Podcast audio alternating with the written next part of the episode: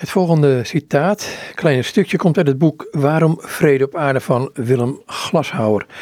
Het is een uitgave van eh, Scholten Uitgeverij in Zwolle.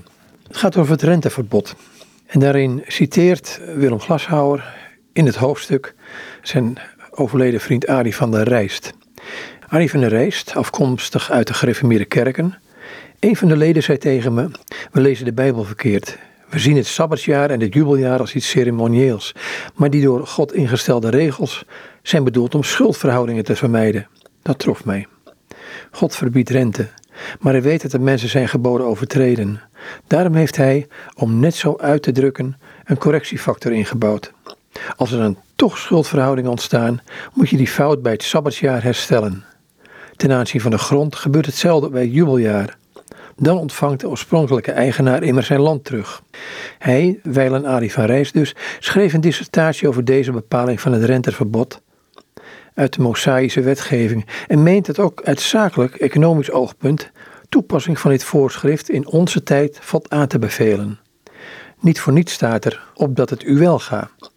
In zijn dissertatie Ander ondernemerschap, Rijksuniversiteit Groningen 1994, onderzoekt hij de invloed van dit Bijbels renteverbod. Hij zegt: De Torah verbiedt rente te vragen als er geld aan een andere Jood wordt uitgeleend.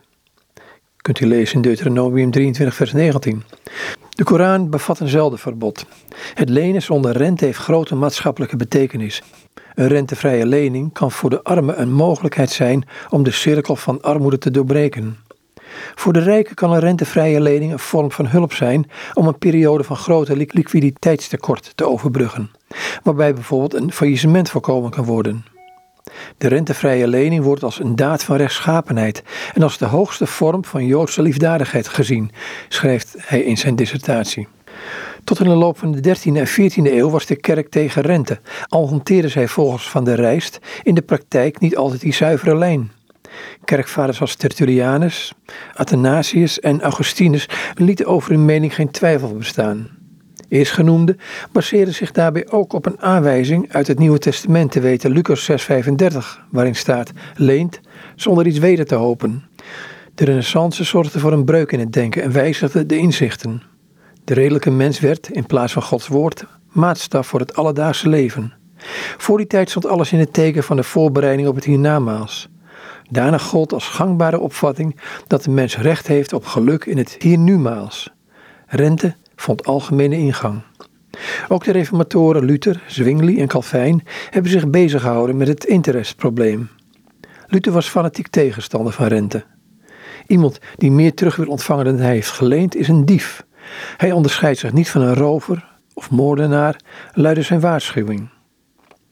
Wat zou het vandaag ook een zegen zijn voor de derde wereld die bijkans bezwijkt alleen al onder de rentelast van de torenhoge schulden en leningen wanneer de rente zou worden afgeschaft. Het heil was uit de Joden. Het verbond van de wet, van de Torah, van de Sinai, van Mozes is met Israël gesloten. De wijsheid van de Torah was in tijd ver vooruit. De gezondheidsvoorschriften die de Torah bevat, bewaren door de eeuw heen het volk voor bijvoorbeeld allerlei besmettelijke ziekten. Als zij zich tenminste aan de voorschriften hielden. Ze waren een voorbeeld en een zegen voor de volkeren. Als die volkeren tenminste de moeite namen deze dingen van Israël te leren.